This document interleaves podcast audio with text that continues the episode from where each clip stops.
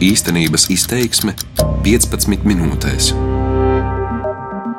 Pareifticīgo baznīcas Konstantinopolis patriarchāts atzinis neatkarīgu Kijavas patriarchāta Ukrainas pareifticīgo baznīcu.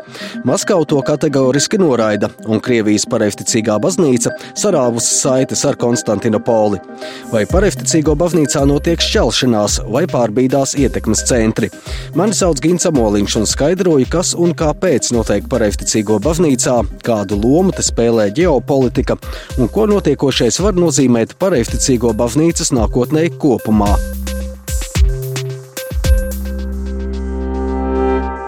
Starp pasaules pareifticīgo baznīcām Stambulā bāzētā ir senākā no tām, un Konstantinopols patriarks Bartolomejs tradicionāli tiek uzskatīts par pirmo starp vienlīdzīgajiem.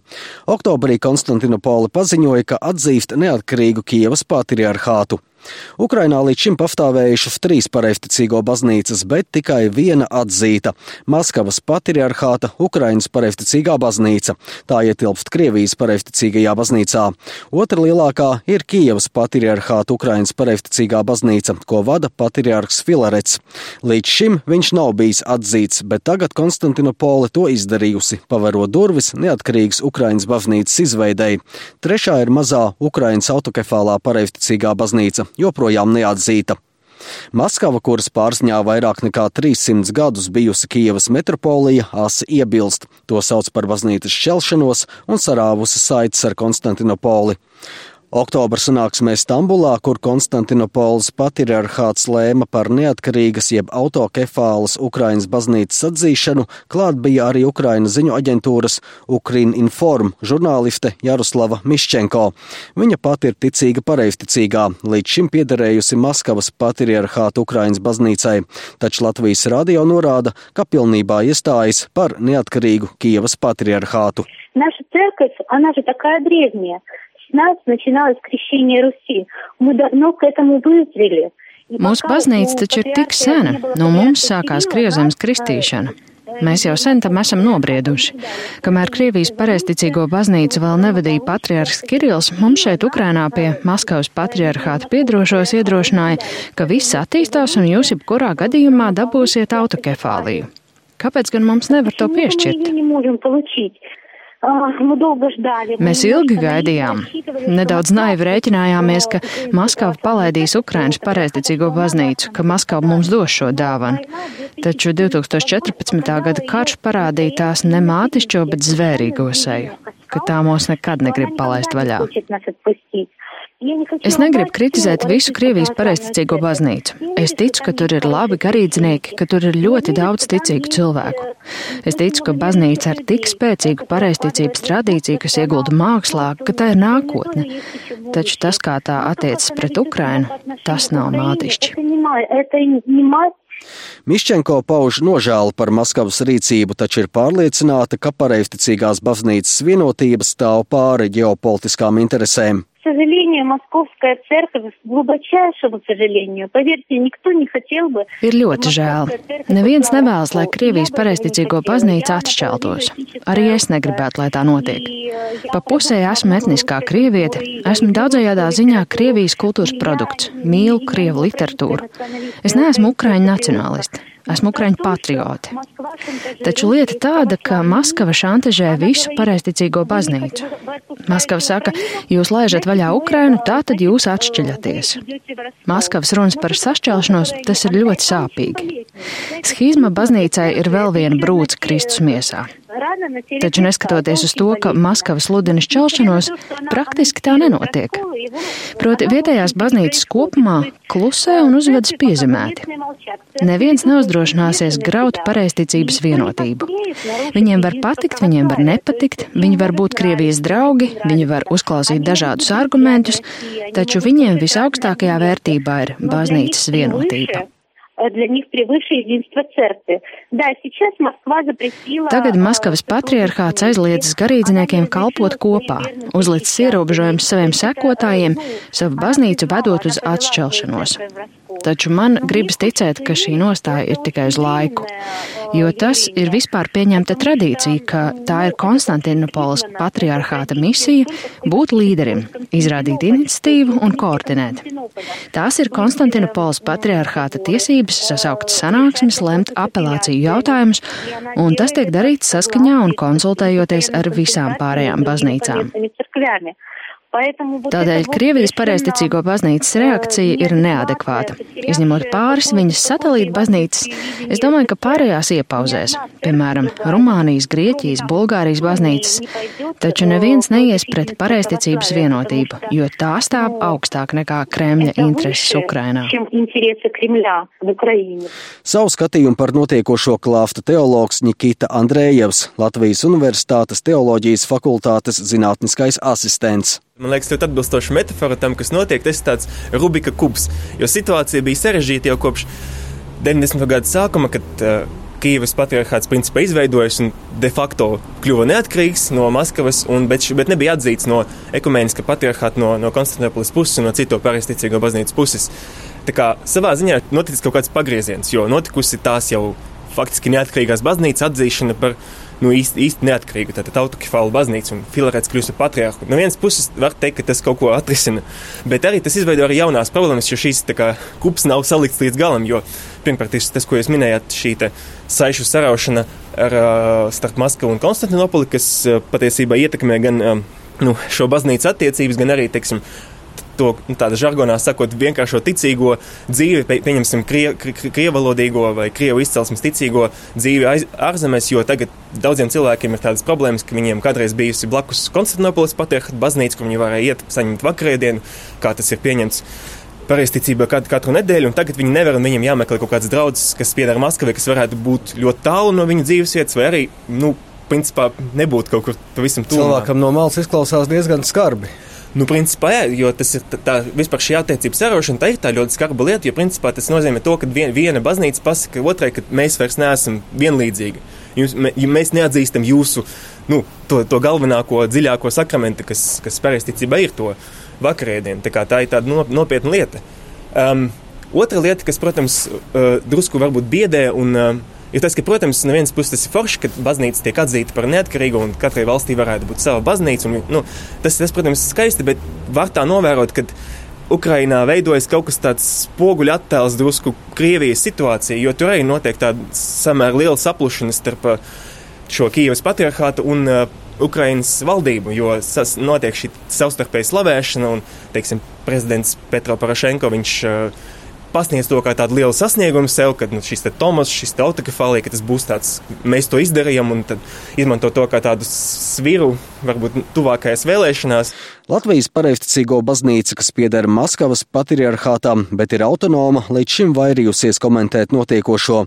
Andrejevam jautāju, kā kopumā uz notiekošo reaģē pareizticīgo pasaule. Kā vispār pārējās pareizticīgo, citas pareizticīgo baznīcas, gan neatkarīgās, gan autonomās, tā skaitā Latvijas, kā reaģē, vai ir kāda reakcija, vai viss tomēr ietur tādu atturīgu pozīciju lielākoties bija izteikti komentāri no, no baznīcas vadības puses. Uh, no, no Latvijas baznīcas. No, no Latvijas baznīcas puses reakcija nebija. Es, es me, meklēju, skatījos, bija tikai informācija par mm. to mhm. sinodi, kurā tika pasludināta šī mm. Maskavas ekskomunikācija attiecībā uz, uz Konstantinopoli. Bija informācija par to, ka tā sinodi bija, bet principā ļoti klusiņām. Un tas ir tā, tāds Latvijas pareizticīgās baznīcas stils, tomēr, jo viņi atrodas tādā sarežģītajā pozīcijā, jo viņi ir Latvijas baznīca, kā, bet no otras puses viņi ir Maskavas patriarchāta daļa. Manuprāt, Latvijas pareizticīgā baznīca cenšas ieturēt tādu ne, nu, kluso, neitrālu pozīciju, lai kaut kā ne, ne, ne sevišķi kaut kā parādītu savu saistību.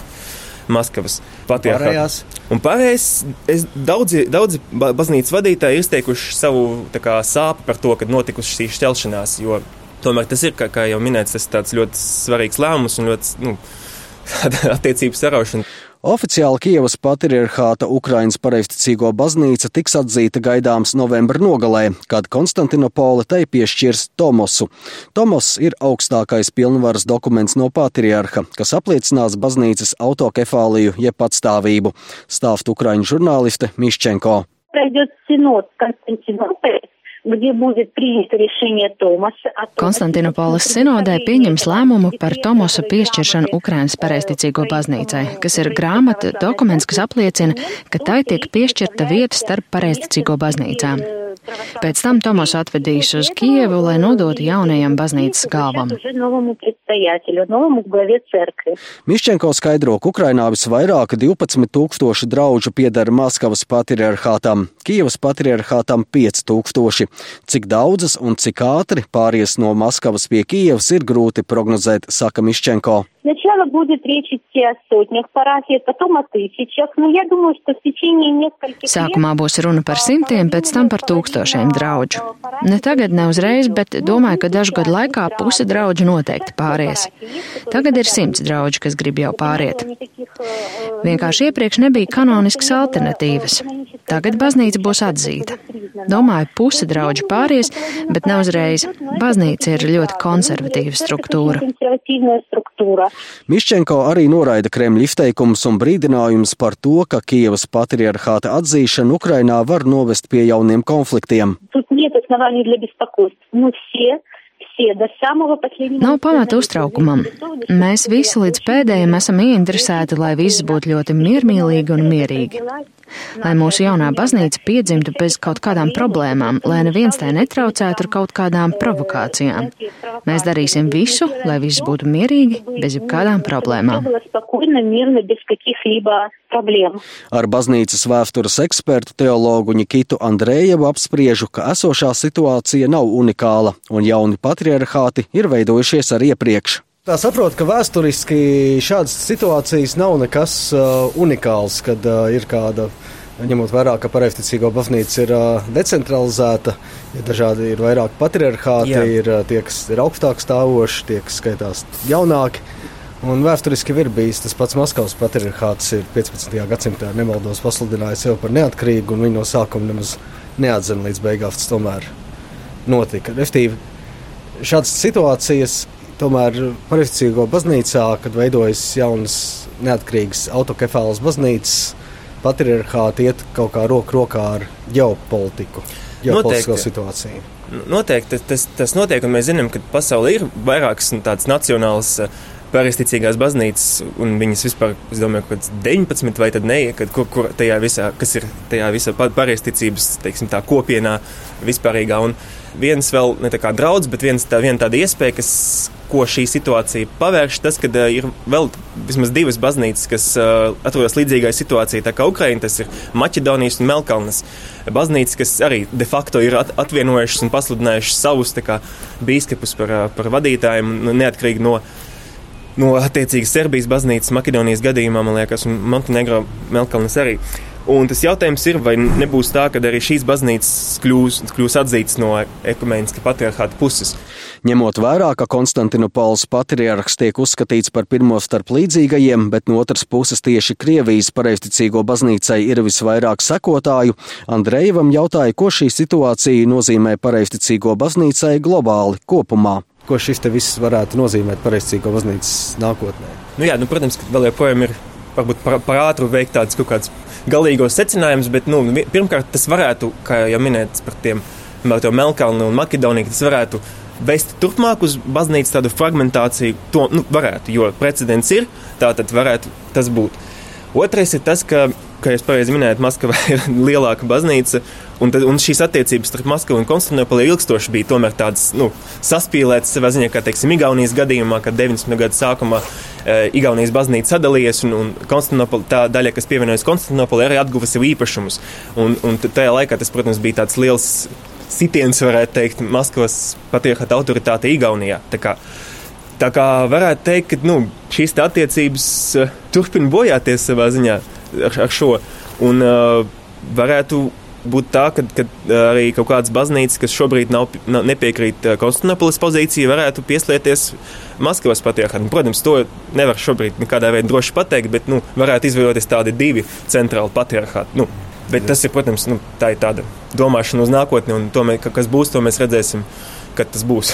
Katrā ziņā kaut kāds tāda tāds cīniņš par to, kurā pusē vairāk atrodas tas uh, ietekmes un varas centrs. Uh, not, ir noticis, notiek. Un... Un turpinās, notiek, turpināsies, nu, tas turpināsies. Katrā ziņā tāpēc arī bija tā analoģija par to kubu, jo, jo nu, viņš nav salikts līdz galam, un tas tie pagriezieni vēl būs. Un, uh, kur, kur tas vedīs, to mēs vēl nezinām. Katrā ziņā, nu, uh, kā pateikt, baznīcas transformācijas, tas kaut arī tas var izraisīt kaut kādas sāpīgas, kaut kādas reakcijas un rezultātus. Tomēr tas parāda to, ka nu, baznīca kaut kādā veidā nu, turpina mainīties, un, un tas var arī vest uz kaut ko pozitīvu. To, bet atkal, to, to mēs, protams, nezinām. Pareizticīgo baznīca nonākusi jaunu izšķiršanos priekšā, reliģiskajām institūcijām savijoties ar ģeopolitiskajām reālijām.